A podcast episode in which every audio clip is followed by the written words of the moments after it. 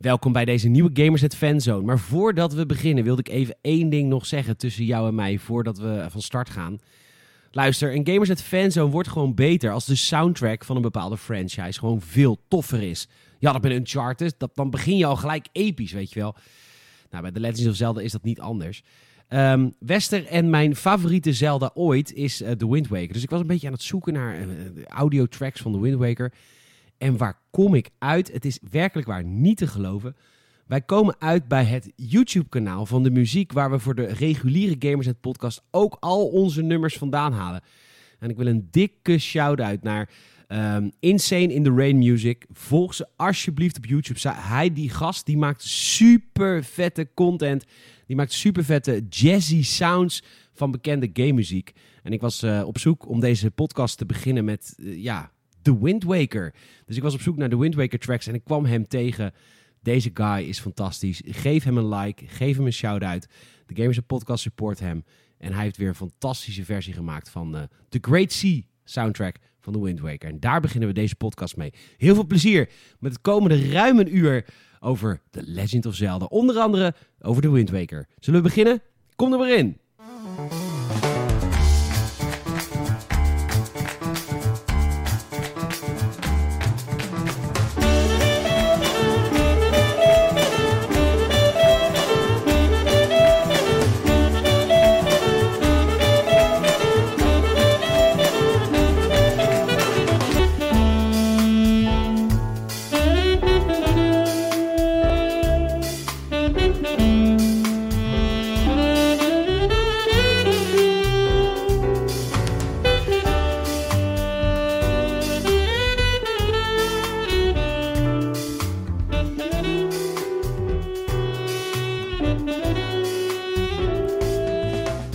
Welkom. Leuk dat je luistert naar een nieuwe aflevering van Gamersnet Fanzone. In de Gamersnet Fanzone reeks bespreken we natuurlijk favoriete franchises van, uh, van redacteurs en luisteraars en iedereen die maar wil meewerken. Um, en uh, ja, je hebt twee weken geleden al gehoord. Uh, onze Wester is natuurlijk ja, diehard, hardcore Zelda-fan. En je hebt het gezien in de titel, daar gaan we weer over praten. Want ja, als je, een, als je het over Zelda hebt, dan kan het niet in één aflevering af. En ik had het net met Westen er al even over. Gaan waarschijnlijk gaan we het er lang over hebben, dit tweede deel. Want er komen nou echt heel veel games langs daar waar beide of heel veel haat of heel veel liefde voor hebben. Ja, zeker. Dus uh, hey Westen, leuk dat je er bent. Hoe ben je te vinden op de Instagrams? Ik ben te vinden op, uh, als, op Instagram als uh, QWesterW. Dat was een slechte woordgrap van Quester, maar goed, dat, dat maar tezijde. Dus uh, Q cool. Mijn naam is uh, Peter Bouwman. Ik ben Peter GN op Instagram en Twitter. En Peter Bouwman op Facebook. Als je me een berichtje wil sturen. Dat gebeurt vaak. En ik bedank jullie er enorm voor. Dat, uh, dat helpt mij door deze barre tijden heen. en net als podcasten trouwens. Want dat is altijd leuk om te doen. previously, on the Gamers at Fanzone, hebben we het gehad over de eerste game van, van The Legend of Zelda. Tot en met Majora's Mask. dus we zijn beland in 2001. Yes. En dit vind ik grappig, Wes. Want jouw eerste Zelda-game is ja. natuurlijk uh, Oracle of Ages. Ja. Oh, wacht even. één momentje. Ik maak even een timestamp op uh, 1 minuut 46, want ik word even gebeld. Seconde. Momentje. Ja, dat is voor werk. Dus vandaar. Hey, Xavier. Hey. Ja, prima. Ik zit in een podcast. Dat maakt niet uit. Ik dacht, het is werk.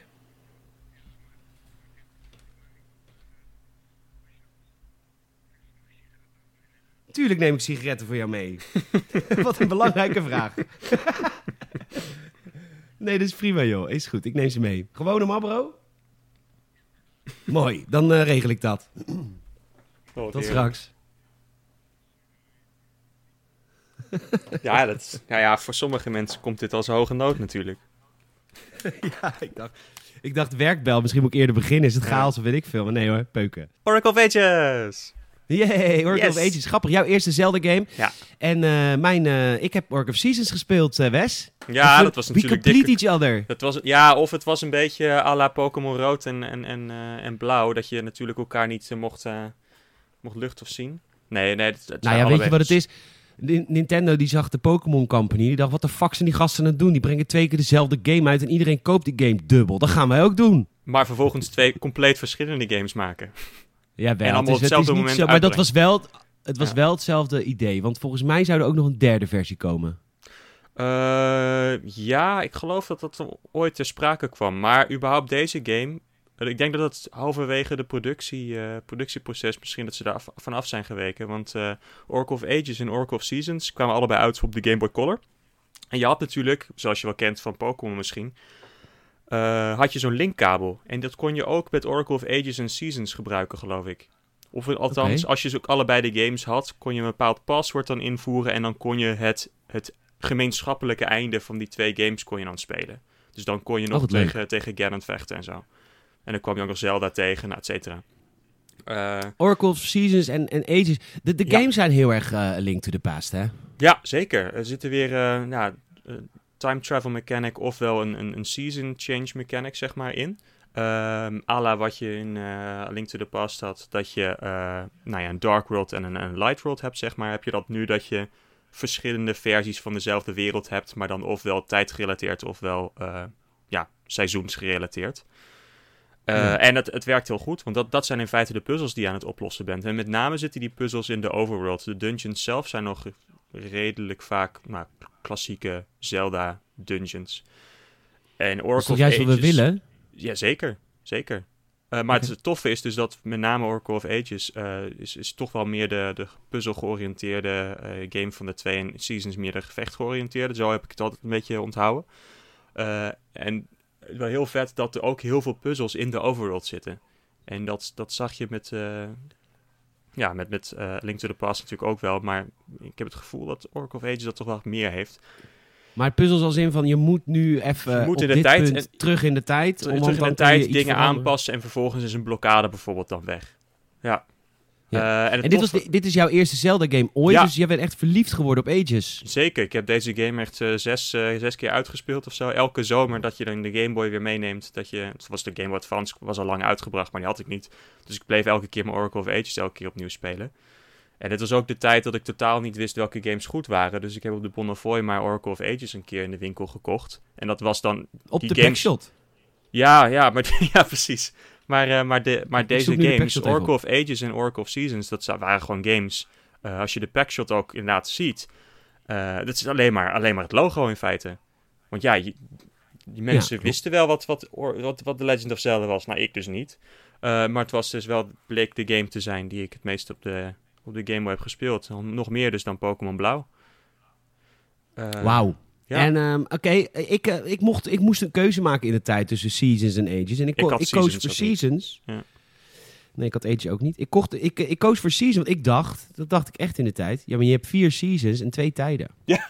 Dus ik heb meer variatie in mijn game als ik Seasons koop. Ja. Maar dat is helemaal niet waar. Nee. Nou ja, ja, het is op zich een goede, goede beredenering, maar... Ja. Uh, Nee, zo had ik er zelf niet over nagedacht. Nee, het vette was uh, in die game ook dat je op een bepaalde manier ook keuzes had. Want je had door bepaalde dingen eerst te doen, kreeg je uh, een van de dieren. Dan kreeg je ofwel zo'n enorme beer met vleugeltjes, ofwel een kangeroe met bokshandschoenen. Oké. Okay, ja, dat, nou, dat doet totaal niet relevant verder, maar ik vond dat heel vet als kind. Dus en ik was voor ja. mij echt van, maar ik kreeg elke keer dezelfde, hoe moet ik dan die andere krijgen? Nou ja, dan kon je dan uh, of op de rug of in de buidel van, uh, van die beestjes. En dan kon je dan leuke dingen doen. Nee, dit, dit waren... Dit, Oracle of Ages is echt uh, de game die mij Zelda heeft leren, leren kennen. Dus daar ben ik ook heel dankbaar. Oracle oh. of Seasons heb ik later nog, nog gespeeld. Um, maar ook allebei zijn het gewoon heel erg goede, goede spellen. Grappig is ook dat deze in samenwerking zijn gemaakt met, met Capcom. Dat zijn dus Zelda games die niet puur door Nintendo zijn gemaakt. Oh, wauw, wat leuk. Wat een ja, leuk dus stukje trivia. Ja, dus het is de eerste Zelda-games, ja, los van die CDI-games dan, maar die tellen we natuurlijk niet mee. Uh, die ook echt uh, gemaakt zijn in samenwerking met een ander bedrijf. Ja, ik wil ze, ja, nu je het noemt, wil ik wel even dat benoemd hebben. Er zijn nog twee Zelda-games voor de Philips CDI spelcomputer die in de ja. tijd uitkwam. Die hebben de licentie voor Zelda voor twee games kunnen gebruiken. Dat was pure poep, we bespreken ze ook niet. Heb ik het even gezegd, hebben, daar mails over krijg. Ze bestaan niet, nee. Maar ook, we erkennen ze niet. Maar, maar Nintendo erkent ze ook zelf niet. Ze nee, hebben dus, uh, zeker niet. In boeken bijvoorbeeld over de geschiedenis van Zelda worden die uh, vakkundig vermeden.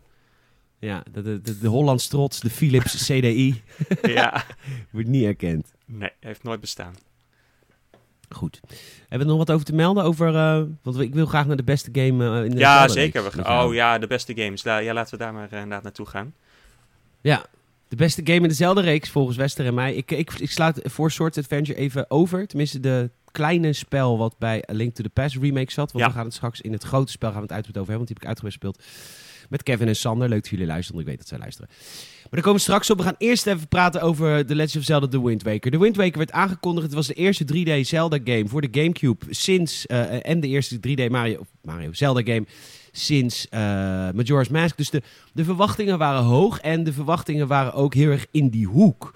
En toen werd de Wind Waker aangekondigd en fans over de hele wereld waren ziedend. Ze Mhm. waren kwaad, woest. Waarom maak je een cel-shaded cartoony Zelda 3D game? En ik heb dat nooit begrepen, die woede. Maar het is, het is ook eh, zo gekomen omdat de eerste beelden die ze hadden laten zien van de volgende Zelda-game ook totaal niet de Wind Waker waren. Het was echt meer een beetje een, een vervolg à la ehm, Ocarina of Time, zeg maar. Dat was, dat was dus ook de richting waarin mensen gingen denken. Het waren zeg maar, teasers op E3 geloof ik ooit verschenen.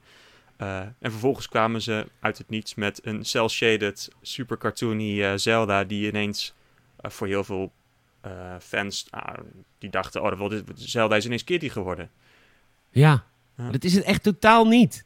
Nee, het is, het is Het is zo'n leuke game. ik, het, is, het is zo, zo blij word je er ook van. Ja, echt, ik heb laatst de remake nog weer een keer gespeeld. De Wii U remake.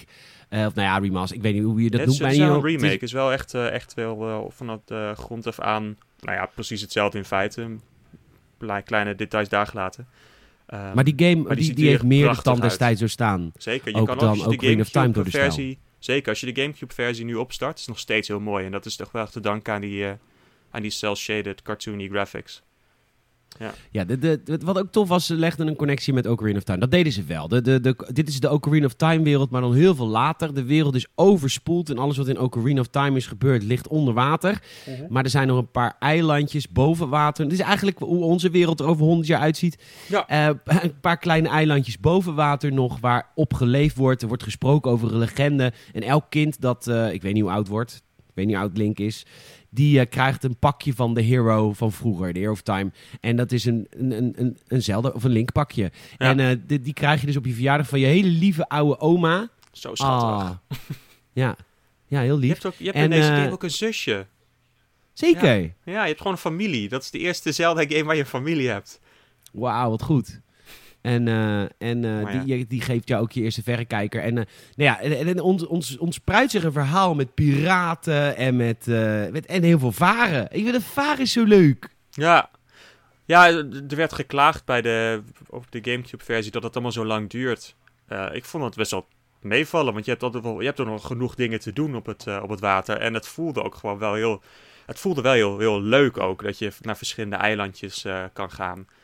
Eh, Ja, maar dat, dat valt of staat wel met het feit hoe leuk vind jij het vissen. Want dan heb je Ja. bijvoorbeeld in Bioshock heb je ook eh, de, je hebt een hacking minigame in Bioshock. Ja. Ik vind dat een hele leuke hacking minigame. Maar zodra je dat niet leuk vindt, dan moet je de hele game dat stomme spelletje spelen. Dat is het ook een beetje met dat vissen. Als je het stom vindt om dat vissen te doen in de Wind Waker, dan, dan valt eigenlijk die hele game om. Ja. Nou ja, er zijn verschillende dingen die je in eh, het water tegen kan komen. Je kan eh, ja, tegenstanders eh, kun je, kunnen, zeg maar, piratenbootjes kunnen, kunnen langsvaren. Je hebt soms van die glimmende eh, plekken in het water waar je inderdaad dan eh, naar schatkisten kan vissen. En je hebt in elk... de, hele, de hele wereld is opgebouwd en in een soort van roster. Ehm, en elk rastertje die heeft... eh, daar staat dan één eiland op. Nou, je hebt dan per eiland heb je zo'n vis die je vervolgens voedsel kan geven en dan vervolgens tekent die, ja, completeert je die, die langzaam je map, zeg maar. Ja. Eh, maar die vis moet je in principe ook eerst zien te zoeken. Daar moet je ook weer heen varen. Dus je bent ondertussen wel continu dingen aan het doen. En maar het klopt wel, dat- je bent wel heel erg veel aan het... Je bent wel heel erg veel aan het, aan het varen natuurlijk. Het verhaal volgt ook een beetje de Ocarina of Time verhaal. Je gaat eh, de Deku Tree, maar dat is dan op een eiland. En die heeft allemaal een soort van... Zijn dat Koroks? Voor, voor ouders van de... Of nazaten van de Koroks? Die, die, bla, die blaadjes? Die Koroks zijn de nazaten van de Kokiri, ja. Er zijn, er zijn Ja, maar zo, zo ontzettend veel jaren verder dat, alle, dat er allemaal evolutie heeft plaatsgevonden. Dus je hebt de Zora's zijn geëvolueerd in, eh, in, in een soort van vliegende vogels. Dus die, die vis, visachtige beesten zijn inmiddels vogels geworden, nou, et cetera. Wat Eh, raar is, want de wereld is nu meer zee dan ooit. Dus Ja, dat is een precies. Dat is die ik niet- nooit zo niet begrepen. Precies, niet heel logisch, maar goed. Dus, het is een Nintendo license, helemaal prima. Je, die, Ja hoor, ik vind prima. creative license, zeg maar. Maar, Ehm, eh, dus dat vader is dus een groot onderdeel van de game. Maar ook, eh, er zitten wel te weinig dungeons in volgens de fans. Ja, er zouden ooit meer dungeons in moeten hebben gezeten. Wat, wa- ja, ja, kan. Eh, ik vind het, eh, ja, ik, ik had er nooit echt een probleem mee toen ik, eh, toen ik het spel aan het spelen was. Eh, wat ik zelf heel tof vind aan de Wind Waker is het sfeertje. Je bent echt, nou ja, je gaat echt op avontuur uit in je bootje, zeg maar. Ja. En de personages vond ik heel tof. Ik vond het tof dat je eigen familie hebt en dat je aanvankelijk begin je je kweesten, zeg maar, omdat je je zusje moet vinden. Want die, wordt die wordt ontvoerd aan het begin van de game. Dus je, bent, je hebt een soort van persoonlijk motief om de wereld te gaan, eh, op te gaan. En pas later kom je erachter dat Ganondorf ook weer een, eh, een, een, een, een kwaad is wat je moet gaan verslaan. Maar vervolgens wordt dus ook het, het, de, ja, het de wereld redden wordt eh, meer of meer verweven, verwoven met je, met je eigen persoonlijke missie. En dat is heel goed gedaan.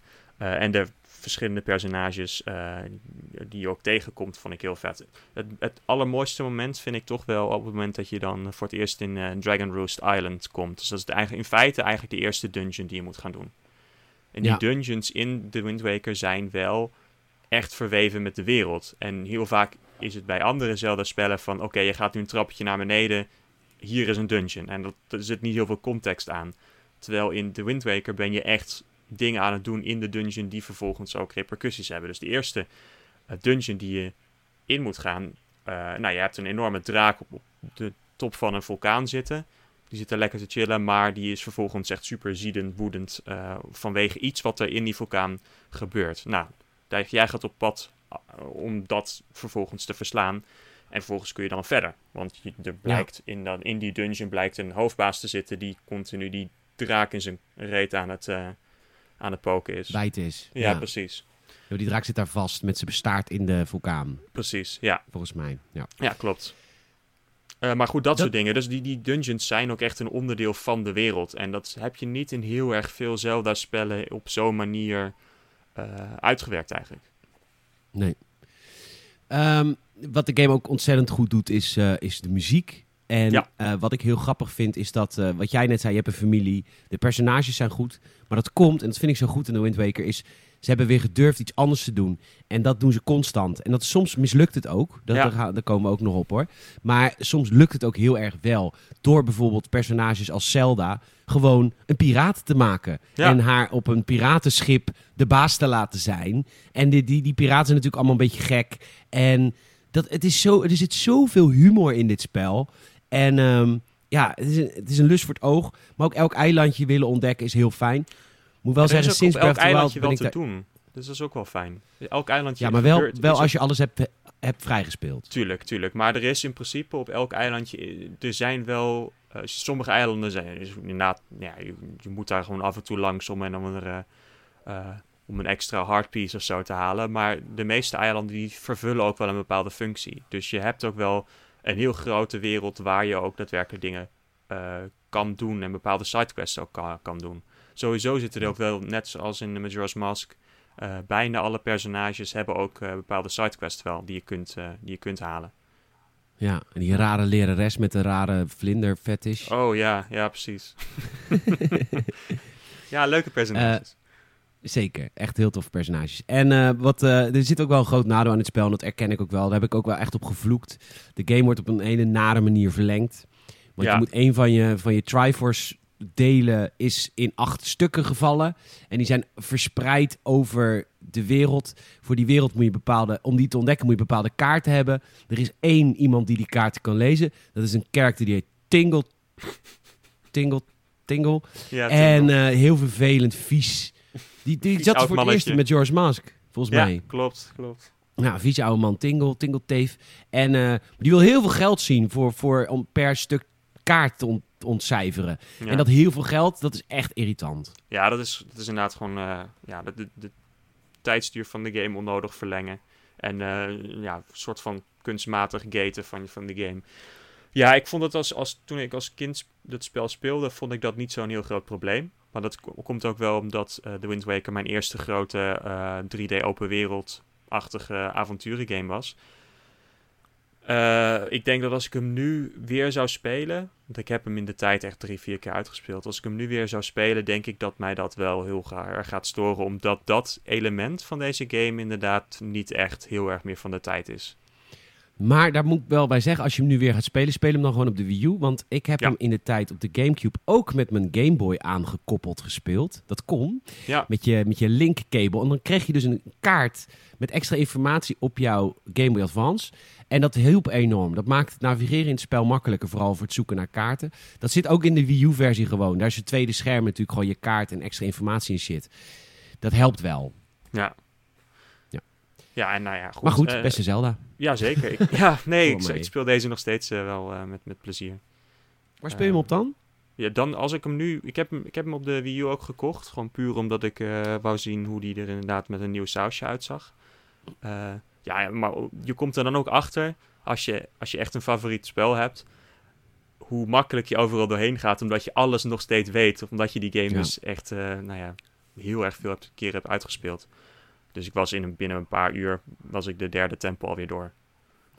het is echt, je gaat, je, je chased er echt doorheen. Maar nee, het is echt, echt, als je een Zelda wil spelen, ja, dit, dit vind ik het toppunt van Zelda. En dat is op zich wel grappig, omdat deze wel ook ja, op een bepaalde manier een andere Zelda is dan de, de meeste Zelda's. En toch heeft deze game eigenlijk alle charme van die, die Zelda-games ook hebben. Maar in een nieuw sausje, en dat vind ik zo tof. Ja, Cool. We gaan eh, naar 2004. Eh The Legend of Zelda Four Swords Adventure. Het begon als een soort van mini eh, toevoeging aan de, aan de, hoe heet het? De, de, de Game Boy Advance versie van The Legend of Zelda Link to the Past. Er zat een multiplayer Mhm. componentje in. Dat multiplayer componentje hebben ze uitgebouwd tot The Legend of Zelda Four Swords Adventure. Een game voor de Gamecube die je moet spelen met je Game Boy Advance en Game Link cables. Nou vraag je je af, wie in godsnaam op aarde heeft A, vrienden die allemaal dat spel hebben. En dan ook nog eens allemaal een Game Boy en een linkkabel. Nou, Petertje Bouwman uit het rijke Boskoop. Hij hebben al die kinderen dat natuurlijk allemaal. En eh, mijn jeugdvriendjes Kevin en eh, Sander, die allebei nog steeds naar deze podcast luisteren, weet ik. Eh, leuk dat jullie luisteren, jongens. Lang geleden dat ik jullie gezien heb. Echt heel lang. Maar ehm, ja, wij hebben deze game met z'n drietjes gespeeld. En het was een magische ervaring, kan ik je vertellen, Wes. Want wat is deze game leuk? ja, ja, ik kan het me wel voorstellen. Met name omdat ik wel bij vrienden eh, Final Fantasy Crystal Chronicles op de Gamecube heb gespeeld. En daar had je ook vier Game Boy Advances en Game Link cables voor nodig. Oh, wat goed.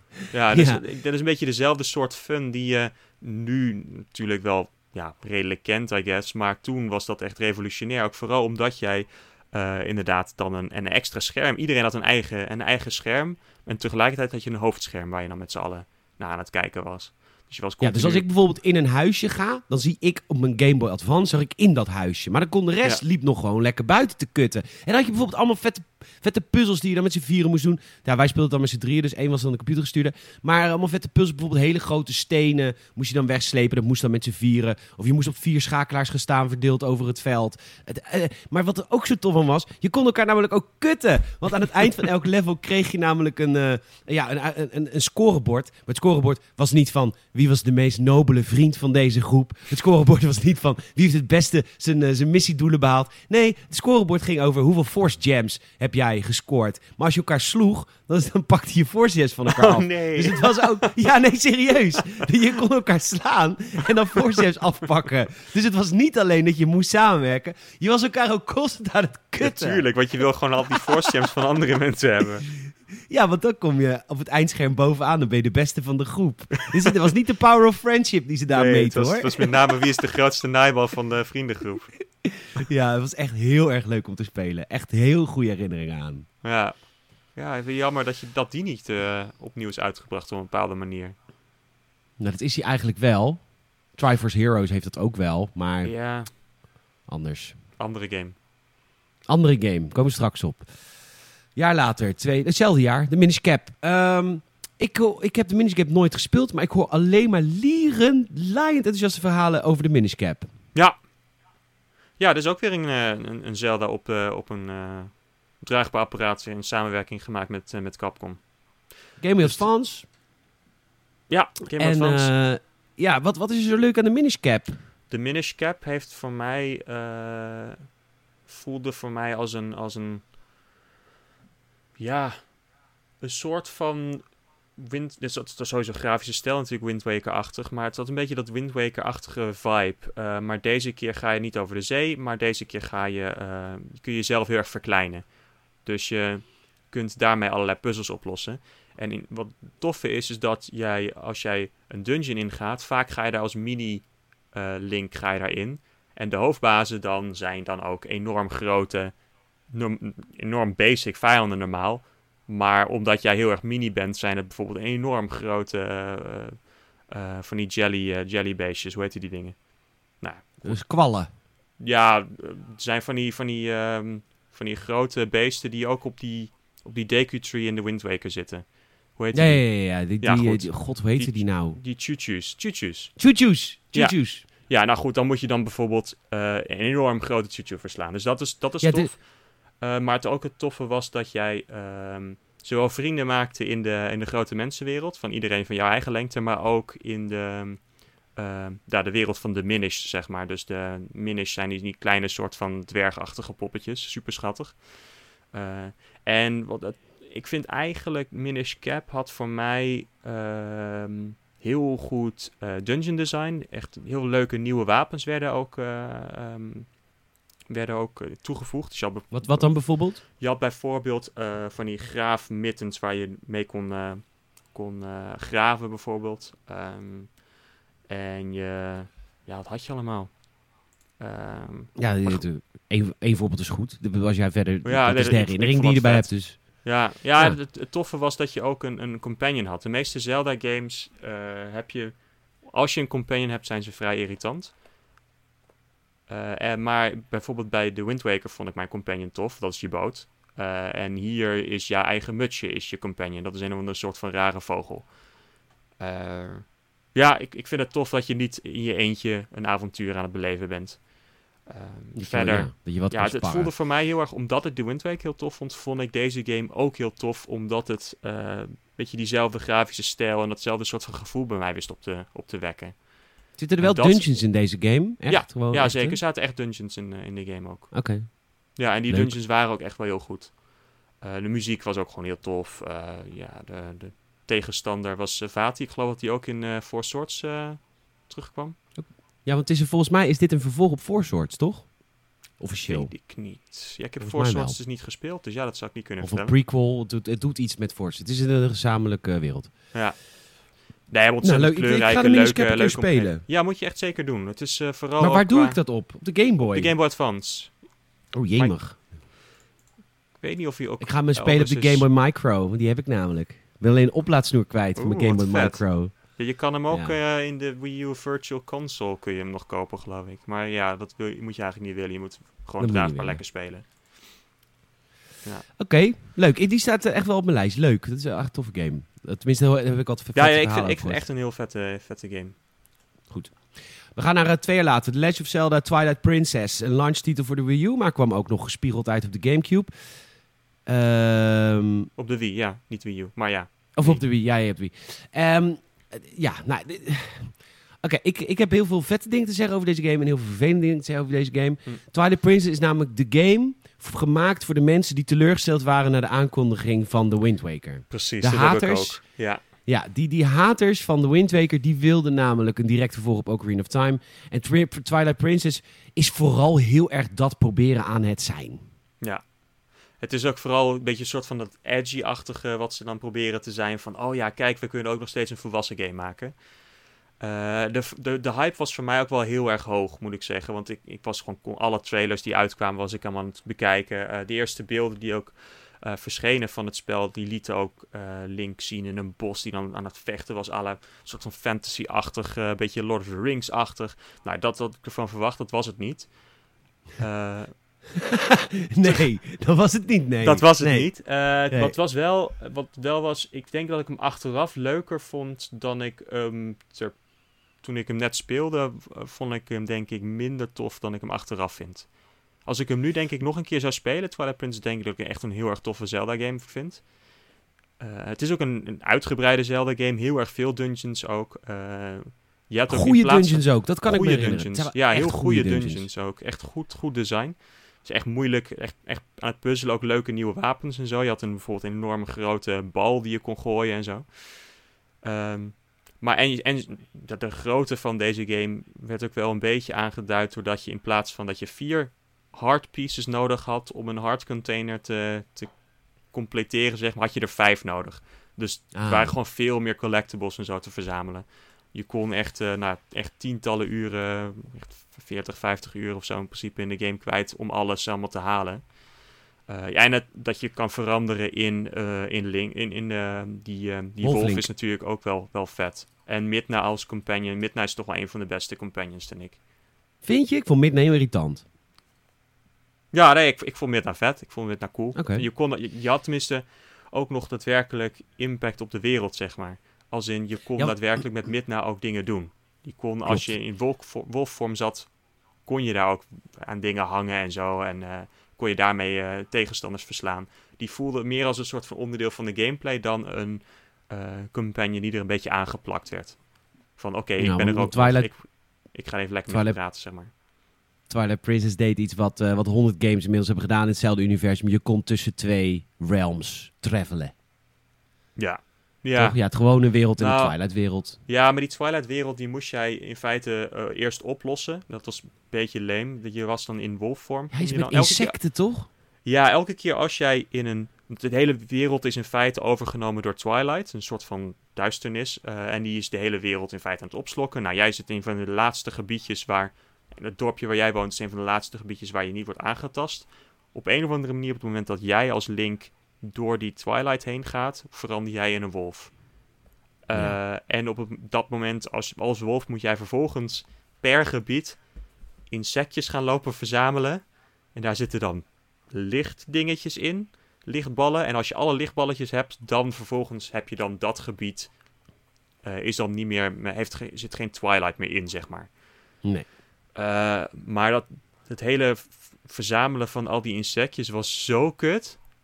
Ja, dat, kan me ook, dat is wel... Dat, volgens mij is dat hetgene wat Twilight Princess gewoon kut maakt. Dat stukje. Ja, ik denk dat als verder ze is het ook wel een prima game. Zeker, maar ik denk ook dat als ze dat moment ook een beetje hadden aangekleed met leuke muziek of zo. Een beetje à la bijvoorbeeld A Link to the Past. Als je dan naar de Dark World gaat, dan had je enorm epische muziek. Maar in Twilight Princess was het dus alsof je een soort van horrorspel aan het spelen was. Ja, het Ja, dat was ook helemaal niet leuk. Ja, het was ook helemaal niet Nee. leuk om daar dan in die wereld rond te lopen. En dat is natuurlijk ook wel de bedoeling dat het niet leuk moet zijn. Maar ja, ik ben natuurlijk wel games aan het spelen. Het moet ook wel een beetje fun zijn. Oké. Dus eh, maar eh, als ik die game nu wil... Ik zie nou... Ja, ik vind het een beetje raar. Als ik die game nu wil spelen, moet ik hem gewoon weer... Oh, op de Wii U. Kan je Ja, Wii U is een remaster, maar dat is in feite gewoon een HD remaster. Gewoon een HD sausje op de Wii versie. Dus het is grafisch niet super spectaculair, veel mooier Ja, en ook niet minder tijdloos ook dan Wind Waker. Omdat het juist probeert realistisch te zijn. Ja, het- zeker. Klopt, klopt. Ja. Ja, ik, ik, ik denk Ehm. dat ik Twilight Princess weer een keer moet gaan oppakken. Dat wel. Ja. Ehm, Oké. Ik ehm, ga naar de volgende game. 2007, Phantom Hourglass. Een vervolg op The Wind Waker. Ik vond deze game fantastisch. En ik, ik las op internet dat heel veel mensen deze game heel kut vinden. En ik vond het totaal niet. Ik snap ook niet waar mensen het... Ja, ik snap wel, want ik heb... de- Er zit een tijdlimiet op. Maar ehm, op, op, eh, op één kerker waar je constant naar terug moest. Maar ik heb me heel erg vermaakt met de Phantom Hourglass. Het was een, eh, een game in, echt in de stijl van The Wind Waker. In- Ja. En, en ehm, het deed ook weer iets nieuws waarvan je denkt, het is heel kut. Maar het werkte heel goed. Je moest namelijk Link besturen met de stylus op je 3DS. Ja, en dat werkte verbazingwekkend goed. Ja. Ja, ja ik vond... eh, de, ja, het voelde voor mij heel erg als een stap terug wel. De, de, de besturing werkte prima. Ik vond het leuk om weer terug in de soort van wereld van de Wind Waker te gaan. Maar het voelde voor mij een beetje als een soort van bootleg vervolg, als je begrijpt wat ik bedoel. Oh, oké. Eh, want eh, ook als je deze, deze ehm, ja, top-down Zelda vergelijkt met de andere Zelda-games, bijvoorbeeld een, een, eh, inderdaad een Minish Cap of zo, of een, of een Link's Awakening, of misschien dan Oracle of Ages of zo. Het was heel erg simpel. De dungeons waren heel makkelijk. Je, je- Misschien vond ik, dat wel, vond ik dat wel fijn. Dat ik, want ik Ja, heb deze game wel. gespeeld Maar op waren- Curaçao. Dus Ja. ik weet nog dat ik dat fijn vond. Want ik, ja, nou, op vakantie heb ik niet zoveel zin in weerstand. nee, In de zon. Nee. Nee. Maar je moet niet, eh, moet niet te veel daar nadenken daar. Nee. Nee, ik, ja, het was, het was heel makkelijk en de, de rest van de wereld, je kon dan wel lekker gaan varen. Maar eh, er was niks eigenlijk te doen. Bij de Wind Waker zelf had je heel veel sidequests en zo die je kon doen. Maar de, elk eilandje wat niet bij de hoofdeilanden zat, zeg maar, daar, daar was je eigenlijk was gewoon leeg. Er was gewoon niet zo heel veel te doen. Ja. Nou, ik, ik, ik, ik vond dat toch niet. Ja, er is niet zoveel te doen. Maar ik vond het wel tof dat je zeg maar, je, je route moest uit. Je moest je route die je vaarde, die je voerde, die moest je uitstippelen met je stylus. Moest je een bepaalde route tekenen en die ging je dan navaren. Maar het was niet dat het echt helemaal leeg was. Er was, er was wel af en toe iets waar je heen kon. Niet zoveel als in natuurlijk de Wind Waker. Maar je kon bij, de, bij ja, maar je was wel heel erg gebonden aan je bootje. Je kon ook niet elk moment natuurlijk uit je bootje springen. Uh, En je kon eigenlijk alleen maar op een eiland als er een soort van kade bij zat. En er waren maar heel weinig eilanden waar überhaupt zo'n kade zat. Ja, maar ja, misschien is het ook een verwachtingspatroon. Want ik dacht, ik speel een DS-spelletje gewoon op vakantie... en dan hoeft het allemaal voor mij niet zo groot. Ja. Misschien is dat ja, het maar, wel. Ja, maar ik, ja, misschien is het ook wel dat ik heel veel handheld Zelda's heb gespeeld... dus dat daardoor mijn verwachtingen al waren. Ik vond hem alsnog leuk om te spelen, hoor. Daar niet van. Maar het is zeker niet een van de betere Zelda's. Nou, voor mij wel. Zo, lekker pu. lekker pu. ja. Phantom Hourglass, koop die game. Ja. of, uh, of niet. Uh, 2009. dit vond ik wel echt een kutspel. Wat ik heel jammer vond. Want, die vond ik dus wel weer leuk. echt, wat grappig. Want ik vond Phantom Hourglass heel leuk. Dus dan ook op de vervolg op Spirit Tracks. Dat vond ik dan, maar dat vond ik dus echt een kutspel. Hè, met een treintje. Ja. ja, je bent wel on rails, letterlijk. Uh, dus je kon niet vrij rond, uh, rond over, de, over, over de zee, zeg maar. In dit geval was je gebonden aan, aan tracks. Maar uh, ja, ik vond het... ja, Mijn ex vond deze game trouwens ook heel leuk. Wat zei Mijn ex vond deze game ook heel leuk, weet ik nog. Dus, ja, nou, het is, dus nog steeds, vind ik, mezelf de kritiek die ik op Phantom Hourglass heb, die, die dungeons zijn niet heel moeilijk. Het spel is ook niet heel moeilijk. Uh, maar ja, op een of andere manier trok deze game mij meer. Maar misschien had het ook wel te maken met dat jij... Uh, uh, dat je ook met Zelda op pad gaat. En dat is eigenlijk de eerste game in de Zelda-reeks... waarbij je daadwerkelijk ook met Zelda op avontuur gaat. En dat vond ik oh, zelf vond ik wel heel vet. Ja, Zelda was als geest dan, maar je bent dan met Zelda dingen aan het doen die dungeon waar je hele tijd naartoe moet, inderdaad, waar terug naartoe moet, die toren. Ja, dat hadden ze niet van mij hoeven herhalen, want dat is in Phantom Hourglass was het al verschrikkelijk en dat heb je in Spirit Tracks nog een keer. Ja, mijn tijdlimiet is eruit nu en je kan ja, makkelijker dingen skippen binnen. Ja, dat is wel waar. Maar ja, dat is nog steeds niet, niet leuk of zo. nee. Ik vond de treinrijden gewoon heel stom. Duurde lang. Ja, dat duurde wel lang. Voelde, maar... Het voelde als echt treinreizen met NS. Nee, maar je kon ondertussen lekker op dingen schieten en zo. Ja, ik vond het wel leuk. Oké. Okay. Ja, ja, het, ja ik, zou hem, ik zou hem nu niet per se oppakken. Als, jij, als jij hier naar luistert en iets hebt van... Ah, ik ga een keer een, een 2D Zelda... Of ja, top-down Zelda spelen. Gewoon Spirit Tracks en uh, Phantom Hourglass overslaan. Lekker uh, Minish Cap of zo spelen. Of, uh, of gewoon Link's Awakening op de, op de Switch.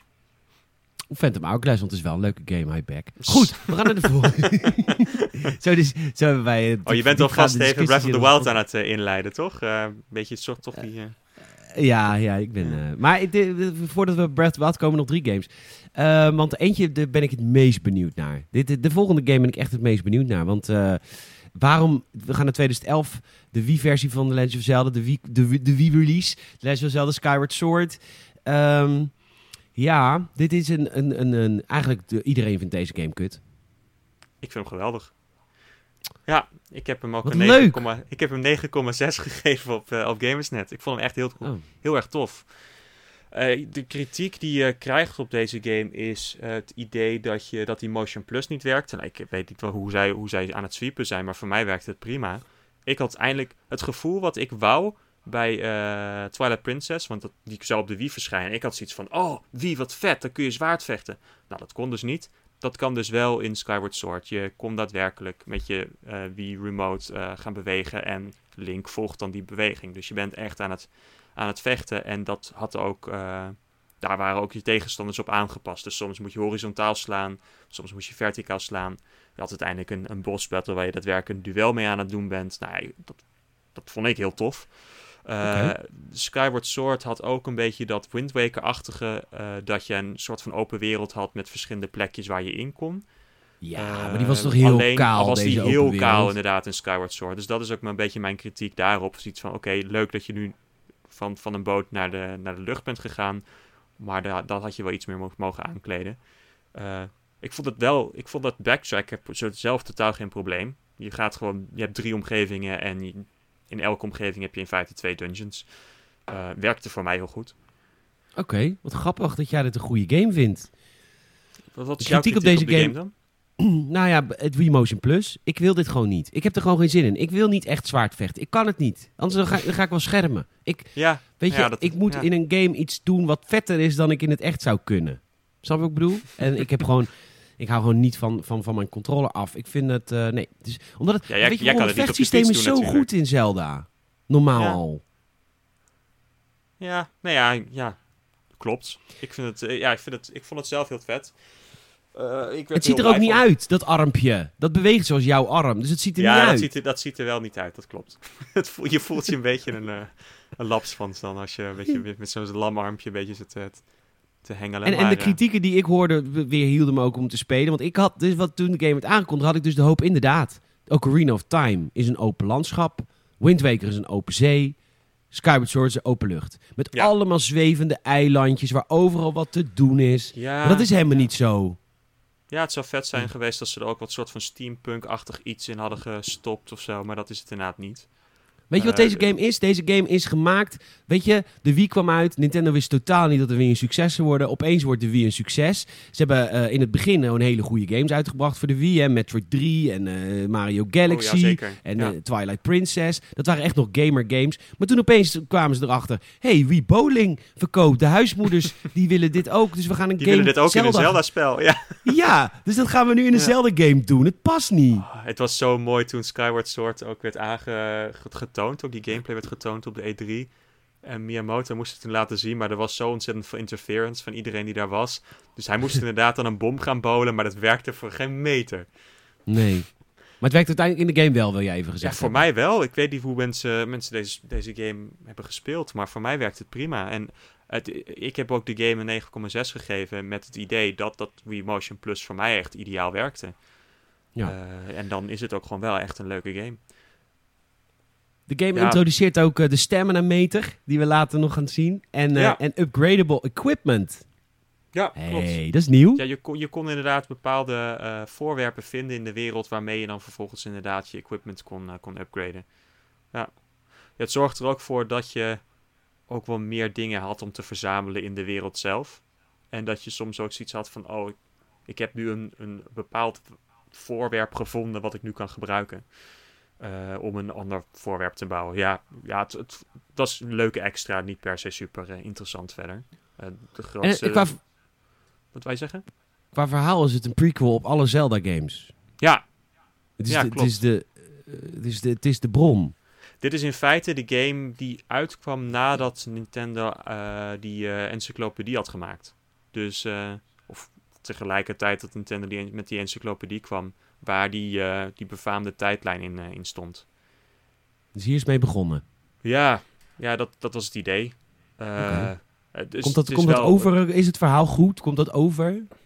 Ja, nou, ja, het is vooral, ja, als je heel veel Zelda games hebt gespeeld, is het wel vet om eh, ehm, eh, dingen te zien als waar de, de Sheikah bijvoorbeeld vandaan zijn gekomen en dat soort dingen. De personages Ja. als Sheik, Sheik en, en, en Impa en zo.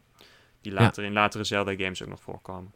Dus dat is vet. Eh, ja, het is vet om te zien waar Ganon uit ontstaan is in feite. Eh, ja, ik vond, ik vond het heel, zelf heel tof. En ik denk dat ik deze game zeker nog een keer ga oppakken. Tof. Moet ik wel weer batterij gaan kopen. Zeker. En ik hoop dat je Wii Motion Plus nog werkt. Ja, Ja, die heeft wel eh, een stof gelegen. zeker weten. Ja. Ik heb nog één rode liggen van... eh dat was toen die, Super Mario... Oh ja. twee, nieuw Super Mario Bros. Daar zat hij ingebouwd. Dat was de eerste Wii Motion Plus controller waar het ingebouwd klopt. was. Klopt.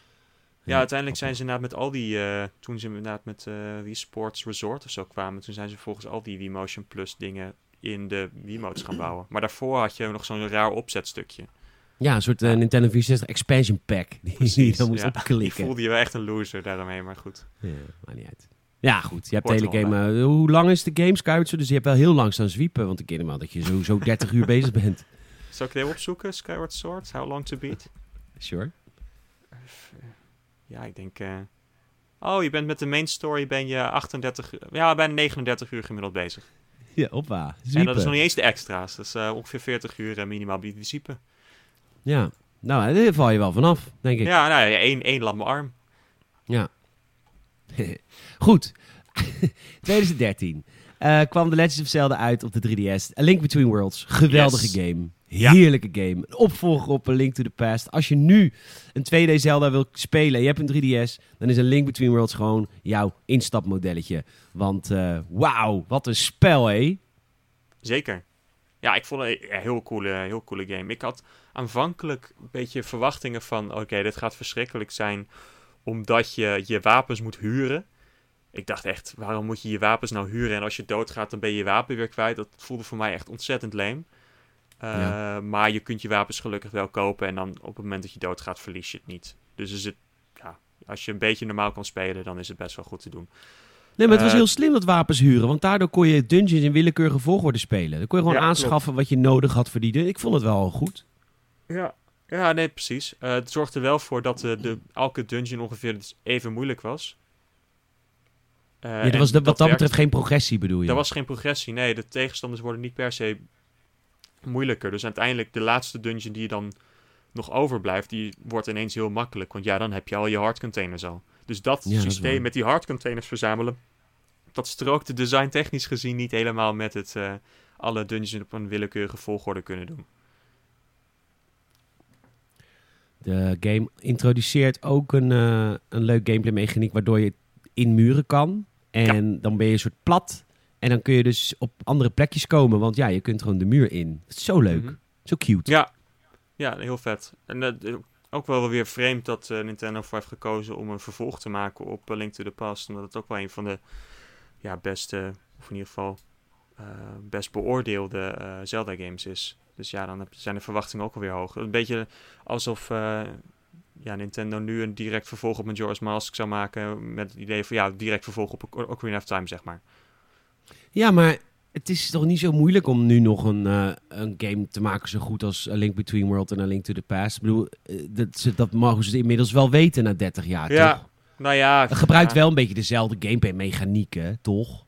Ja, ja, dat klopt. Het is, uh, ja, zeker. Je weet in de, de kritieken die op, inmiddels op A Link to the Past zijn, die kun je inmiddels verwerken. Ja. Maar het is natuurlijk wel als je een, een, een supergoed beoordeeld spel een vervolg gaat geven. Ja, ik heb ook van Amador gehoord dat uh, de Final Fantasy 7 remake bijvoorbeeld ook wel wat aan te schorten is. Dus je, sommige risico's die wil je niet per se nemen. Maar deze Nee, is heel goed maar- uitgepakt. Heel, heel leuk. Resident Evil 2 is weer foutloos. Dus het is Ja. wel, ja, het is, het is ja. Ja, er zijn geen regels aan verbonden. Nee, dus A Link to the Past, eh, of, eh, sorry, A Link Between Worlds is echt wel heel erg, eh, heel erg vast, vet. Maar ja, weinig, weinig negatiefs over te zeggen eigenlijk. Ja, en ik merk ook, omdat we zo van die games bespreken nu, is dat we ook steeds minder unieks te vertellen hebben. Omdat het pakt natuurlijk heel veel van vorige games. Dus het zijn weer dungeons. in is- feite gewoon wel, ja, het is gewoon een link to, link to the Past, maar dan zonder die, eh, zonder de, de, ja, gewoon wat, wat, wat, wat moderner. Eh, je kan ook weer terugreizen in ja, verschillende, eh, ja, Dark World en zo. Low rule. Ja, Ja, low precies. rule. Haha. ja, super, eh, super ja, goed en die bedacht, wereld is nou gespiegeld. Ja, ja, Ja. ja, ja. ja, qua wat het nieuws doet, ja, je, je kunt inderdaad op die muren verder. eh, ja, is het vrij klassieke Zelda en daardoor wel, wel heel goed in wat het doet. Zeker. We gaan eh, twee jaar later, we gaan naar eh The Legend of Zelda Triforce Heroes. Ehm, de, de, eigenlijk het vervolg, nou ja, het spirituele vervolg op, op Four Swords Adventures natuurlijk. Omdat het een multiplayer is met drie mensen, drie linkjes. Eh, met een verhaal waarvan je denkt, what the fuck? Je reist naar Hytopia, een wereld vol fashion. En eh, er, is er is een aanval op, een mo- op de mode. Nou, dat, dat pikken we niet. Ja, want Zelda is Goed. dan veranderd in een slons of zo, wat is het? Ja, ja, en dan moet je. Ja, het, het is Ja, nee, weet je, ik, deze, deze game heb ik links laten liggen. Ik dacht, laat maar, dit hoef ik niet te spelen. Nee, en het is ook, het, wat, de, gameplay is in principe heel vergelijkbaar met Fort Sort Adventures. Je kan elkaar ook slaan. Maar het, eh, het vervelende aan dit spel is dat als je dit online... Je kan het nu natuurlijk ook... Kijk, het dwingt je niet om het offline te doen, hè? Dus heel veel mensen denken, we gaan dit spelen en we gaan het online spelen. Maar dit is niet leuk online. Het is echt alleen leuk als je met z'n drieën in dezelfde ruimte zit en die game speelt. Ja. Want dan heb je wel weer met dat Four Swords Adventure-achtige gevoel van... oké, we competen, en we, maar we doen ook wel, zeg maar... eh, hoe heet het? Eh, samen puzzels oplossen. Ja. Dus dan is het tof. Maar als je het online gaat spelen, is het gewoon niet leuk. Want online zijn mensen kut. Ja. nou ja, de reden waarom ik niet multiplayer Zelda-spellen heb gespeeld is ook wel omdat Zelda voor mij toch wel de ultieme solo-ervaring is. Eh, je gaat. Dit is natuurlijk leuk dat je de gameplay-mechanieken hebt om, om met z'n allen lekker te kunnen dollen. Prima, maar het is, het is niet een episch verhaal wat je, waar je helemaal induikt natuurlijk. Dat, dat moet je Nee, ook natuurlijk dit- niet in, in nee, deze is- game zoeken. Maar het is wel leuk hoe ze die dungeons hebben aangepast op drie spelers. Dat je alle drie eh, op een andere plek moet staan en dan precies op dezelfde moment op de knop moet drukken. en Zo. Ik vind dat wel echt leuk. Ja. Maar je moet wel echt met twee andere Zelda-nerds spelen, hè? Je moet Ja, niet... ik heb niet zoveel je- Zelda-nerds en ik heb ook niet zo heel veel vrienden die ook een Nintendo 3DS hebben. Dus dat, Exact. schiet- Dus dat Ja, is het En in lastige. je eentje is het blijkbaar dus ook echt geen zak aan. Nee, nee, dat niet eentje moet je niet spelen. Wat ik het meest herinner aan Drivers Hero is de product placement video die wij ervoor hebben gemaakt met gamers.nl. Eh, Ja. we hebben een hele foute video gemaakt met Tom en Lennart eh, en ik in de hoofdrol. En Jessica vooral in de hoofdrol. Eh, vriendinnetje van Tom. Dat, volgens mij heet die video Drivers Hero is het echte leven waar we alles met z'n drieën moeten doen. Als zeg maar een soort verplicht. Met z'n drieën koffie zetten, met z'n drieën seks hebben. Anyhow, ik, de video is nog op YouTube te vinden, maar ik zet hem ook los op Patreon. na het verschijnen van deze aflevering. Dus als, je nu even, als je even lid bent van Patreon, word even lid, support ons, vind ik leuk. Dan staat die video voor je klaar. Dan kun je Nou ja, dit, eh, eh, voelen met... eh, ja. Ja, het is heel ongemakkelijk. Heel erg awkward. nou, we zijn er. Dit was hem. Toch? Ja, ja Want voor mij ja. wel. Nee, we hebben nog één, eh, één game te bespreken. Een absoluut meesterwerk. Een epos. De, de Zelda die Zelda weer opnieuw op de kaart heeft gezet. Die eigenlijk alles goed doet wat het goed moet doen. Het zou mijn favoriete Zelda-game zijn, waar het niet dat ik te veel jeugdsentiment heb voor de Wind Waker. The Legend of Zelda Breath of the Wild verscheen in, eh, in 20, eh, 2017 op de Nintendo Switch. En ehm, ik ben in retrospect, kan ik Wind Waker en al die andere Zelda-games minder waarderen omdat ik Breath of the Wild heb gespeeld. Ja, dat snap ik niet. ja, nee, ik snap er niks van. Ik ga je proberen dat uit te leggen. Oké, probeer jij eerst uit te leggen, dan leg ik zo meteen uit waarom ik, eh, waarom ik dat waarschijnlijk niet vind. Ja, oké. Of ik overtuig je nu en je zegt Dat die zou nou... zeker kunnen. Oh, ik heb, ik heb the Wild al die tijd verkeerd begrepen. ja, precies. Nee, luister. We hebben het er net al even over gehad in de Wind Waker. In de Wind Waker kom je eh, met je bootje langs een eiland. En daar kan je dan nog niet op. En dan denk ik nu in retrospect... Ja, waarom eigenlijk niet? Waarom word ik geplaagd? Waarom moet ik eerst... Terwijl de Breath bewijst... Want in de eerste anderhalf uur van de game krijg je alles. Je krijgt je wapen, je krijgt je bommen... Je krijgt je alle trucjes die je eh, eruit... Die, alles krijg je. En je kunt dus ook overal heen. En je kunt in, in theorie alles al doen. Nou, bijna alles. Soms heb je wat meer stemmen nodig. Maar snap je wat ik bedoel? Dat ik als ik nu langs een eiland vaar in de windweek... ik denk, ja... De Breath Wild heeft mij bewezen dat het niet op deze manier hoeft. Dat ik niet als een soort van... Ja, elke keer moet lijden. nou, is het geen lijden, want het zijn leuke spellen. Maar begrijp je wat ik bedoel? Ja, ja, ik snap wat je bedoelt. Ja, En dat vind ik zo het, gaaf eh, aan Breath of the. Wild. Dat alles gelijk kan. Ja, tuurlijk. Maar het, nadeel daarvan is, dat is, je bent in feite een open wereld eh, tegen een meer lineaire ervaring aan het leggen. Eh, en ik Ja, persoonlijk heb heel weinig met open wereld games.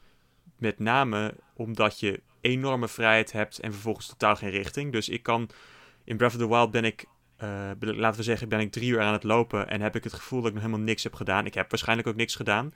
Terwijl als je een gewone Zelda game hebt, of überhaupt een wat meer lineaire game, eh, de fun die ik per uur beleef, zeg maar, is veel meer dan dat ik die, die, die drie, vier uur dat ik in Breath of the Wild een paar van die, van die shrines aan het completeren ben of zo. Ja, maar dat doe je Breath of the Wild echt tekort. Want die shrines is één ding. Maar er is bijna in elke hoek in die game is wel iets te ontdekken... of iets te doen of iets te vinden. Ja, ik vond dat dus best wel tegenvallen. Ik vond Oh, het echt? Niet, ja, ik vond er dus echt niet zo heel veel, heel veel te doen. Eh dus dat vooral heel erg veel natuur en, en leegte. Dat, het is leuk natuurlijk om die natuur rond, te lopen. Eh, en de game ziet er ook wel echt heel erg mooi uit. Eh, maar wat ik tof vind aan een normale Zelda-game is dat er ook een beetje een verhaal in zit. En die zit niet in Breath of the Wild, wat, mij betreft. Want Breath of the Wild heeft echt minimaal uh, het, het verhaal van Zelda te pakken. Als in, oké, je, hebt, je hebt een Ganon, je hebt een, een Zelda, je hebt een Link. Prima, 100 jaar later, oké, vrij fijn. Dat, dat, hebben we, dat is, dat is weer, weer, weer een Zelda. Uh, en verder, je hebt dan de Master Sword weer uh, en je moet uiteindelijk dan Ganon verslaan.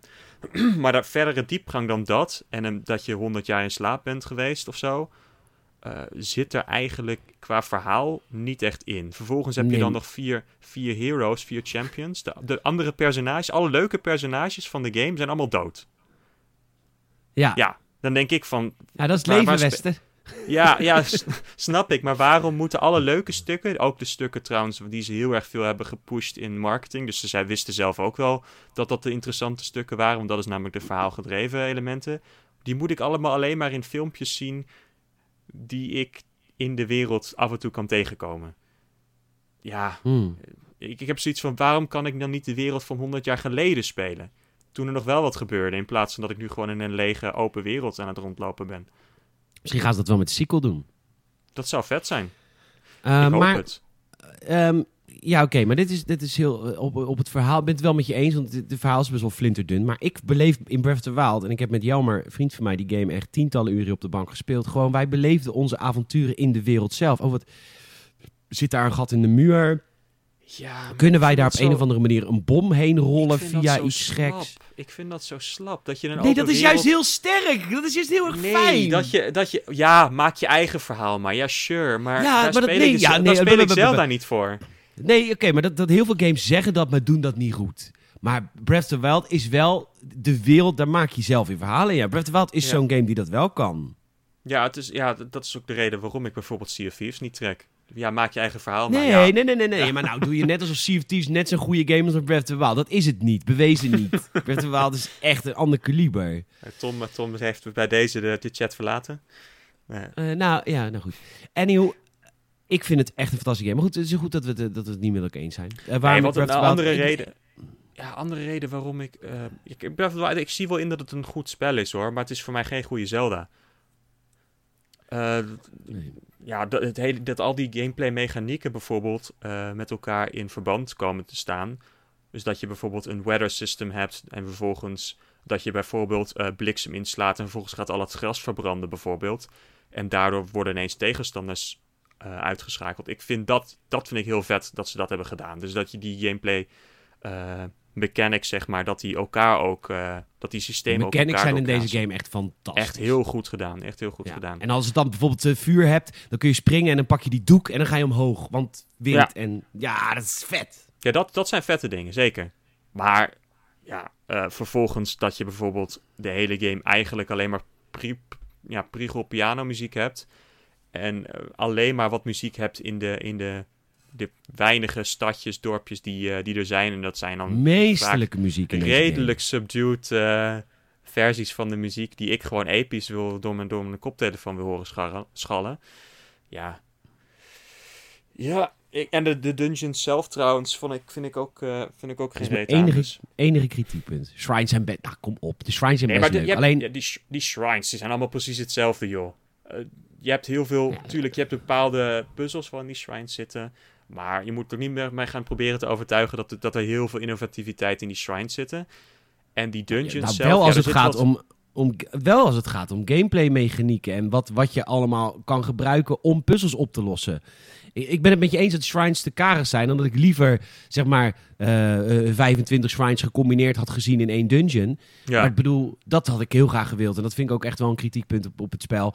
Eigenlijk het enige. Maar eh, eh, natuurlijk had ik dat graag zo gezien. Maar de gameplay mechanieken die gebruikt worden om puzzels op te lossen. Je kan niet zeggen dat die niet fantastisch zijn in dit spel. Ja, nee, zeker. En het is ook tof dat je puzzels op verschillende manieren kunt oplossen. Ook op basis van hoe slim je met bepaalde mechanics omgaat.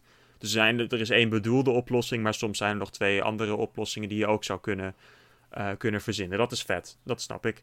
Maar ja, die shrines, ik vind het qua design allemaal heel saai. Het is allemaal precies hetzelfde.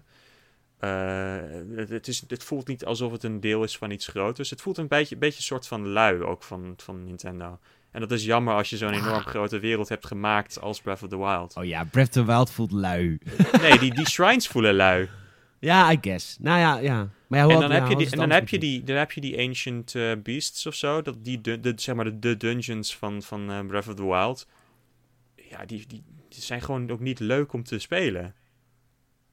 Ik vond die dungeons echt niet leuk. Hmm. Nou, ik vond sommige wel leuk. Met het, eh, met dat, ja, het is, eh, nou ja, kijk, wat, dat, daar heb jij gelijk in. Wat, wat vet was geweest, was inderdaad dat al die dungeons in eh, bijvoorbeeld water en groen eh, en, en bosjasjes en zo. Want dan Ja, had je wat meer, ja, want meer ook- ja, want ook variatie die ook in de dungeons, Ja, precies. Want ook die dungeons zelf hebben precies hetzelfde kleurenpalet. Ja, klopt, ja. Daar heb je gelijk. Het zijn, wel, het zijn wel andere beesten hoor. En daar hebben ze dan wel leuke dingen mee gedaan. Dat je een soort van eh, olifant hebt die dan... eh, ja, dan kun je dan de slurf dan besturen of zo. Maar ja, je bent ook, er zijn ook redelijk kleine dungeons eigenlijk. Het voelt een beetje alsof Ja, je een dungeon door de helft hebt gedaan. En, en de- in feite is de hele dungeon is gebaseerd op één interne mechanic.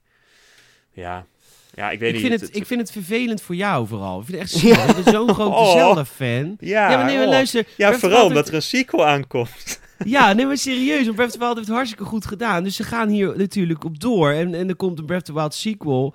Ja, dat gaat ook geen game voor jou zijn dan. Dat vind ik echt heel Nee. zielig voor je. Ja, ja. ik vind mezelf ook heel sneu. Ja, ah. Nee, maar ik, heb heel veel ik zin in vind het heel- ik sequel. vind vind het het heel leuk. Ja, ik vind het ook heel fijn dat mensen die game heel tof vinden. En het is ook wel leuk om te zien hoe Nintendo eh, open werelden aanpakt.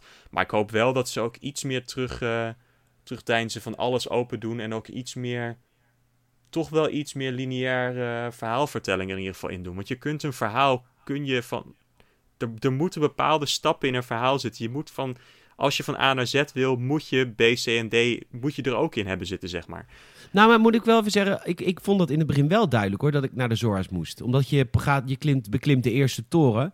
En misschien heb ik dus heel erg slaafs gedaan wat Nintendo wilde. Maar ik had al die, je krijgt dan ook een soort van hint. Ga naar de, mhm, tussen de twee rotsen, tussen de twee spleten. Ik ben dat echt gaan doen, want ik dacht, dit is het begin van het spel. Ik hou me nog wel even aan de regels. En dat heel- Ja. hielp mij wel. Ik vond, dat vond ik een hele unieke manier van verhaal vertellen. Want omdat de game zo mooi is, kon die game gewoon tegen mij zeggen... ga daarheen naar waar de twee, Ja. eh, weet ik veel, rotpunten samenkomen. En ik zag dat echt vanaf die toren. En ik dacht, oh ja, dan moet ik daarheen. En dat klopte ook echt voor het eerste stukje verhaal met de Zora's. Dus ik vond dat, ik, ik heb me wel een beetje aan de hand laten nemen in het begin van het spel. En ik ben Ja. niet gelijk, want dat heb ik geleerd van Fallout en zo. Ik ben niet gelijk de wereld ingegaan. Ik ben wel echt, ik heb geluisterd. Misschien heb je gewoon niet genoeg geluisterd, Ja, misschien niet. Misschien niet. Misschien, heb ik gewoon, misschien kan ik gewoon niet luisteren.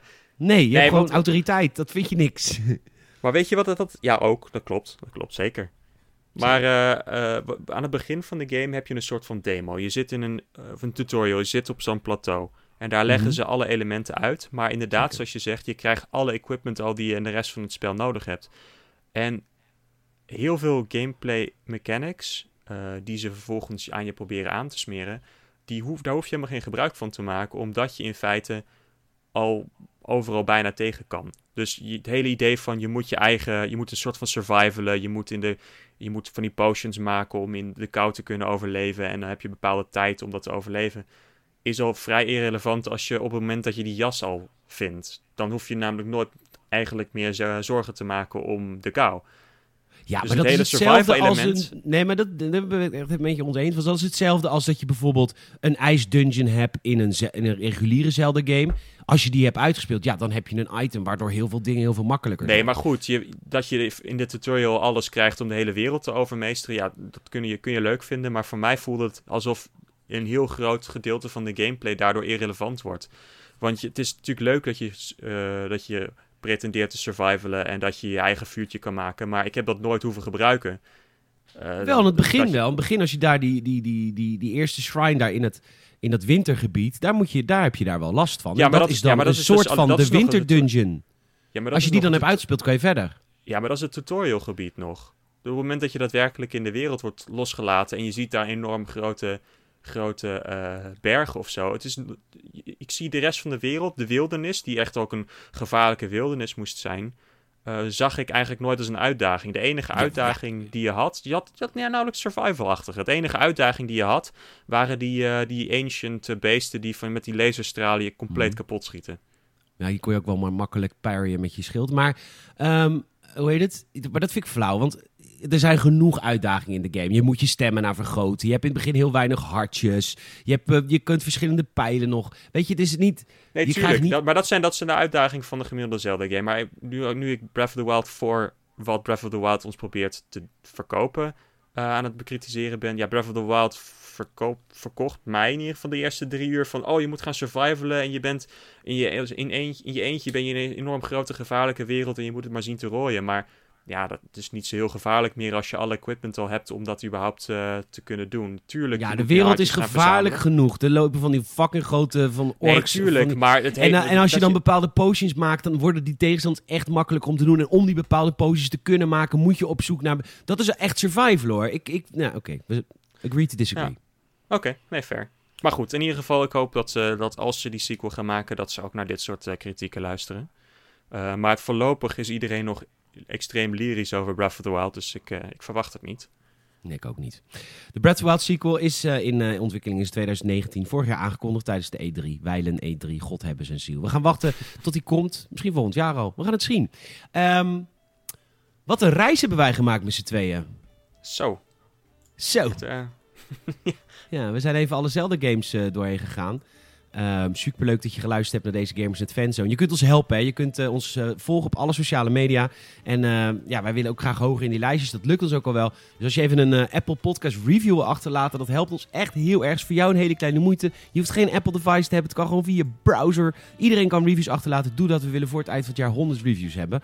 En dat gaat ons lukken als jij ons helpt. En wil je extra content van je vrienden van Gamersnet, live of mini-vlogjes en extra lange podcasts, dan kun je ons supporten via patreon.com Gamersnet kan vanaf 5 euro per maand. En heb je leuke extra content. Um, ja, het was, dit was inderdaad nogal een reis. Ik uh, moet nu uh, naar mijn werk, dus ik ga nu echt reizen. Wester, mag ik je enorm bedanken voor, uh, voor, voor je hulp. Nou, alsjeblieft. En dan ga ik misschien, zo meteen maar even lekker Cadence of Hyrule lekker spelen. Lekker een van de spin-offs. Oh ja, die keer die hebben we helemaal niet besproken. Nee, ja, er zijn natuurlijk genoeg spin-offs. Maar ja, de, hoofd, de hoofdzelfde games, die hebben we... Ja, toch, zijn we, we toch doorheen geworsteld. We hebben toch doorheen geworsteld. Ik ben ook, um, ik ben ehm, ook echt super benieuwd trouwens wat jullie allemaal vinden van, uh, van Breath of the Wild. Of, of, of jullie het met mij eens zijn of met Peter. Ja, goede, goede, goede feedback. Dankjewel. Dat kun je uh, achterlaten in een reactie hieronder op gamers.nl. Dat kan op Soundcloud kun je reageren en je kunt altijd een mailtje sturen. naar podcast.gamersnet.nl. Dan zullen we die uh, altijd behandelen. Dankjewel. Goede toevoeging, Wester.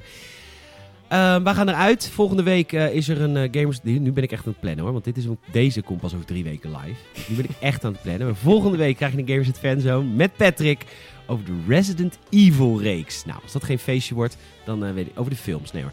Over de games. nou, dat wordt sowieso geen feestje dan. Als dat nee, precies. Hey Wester, bedankt.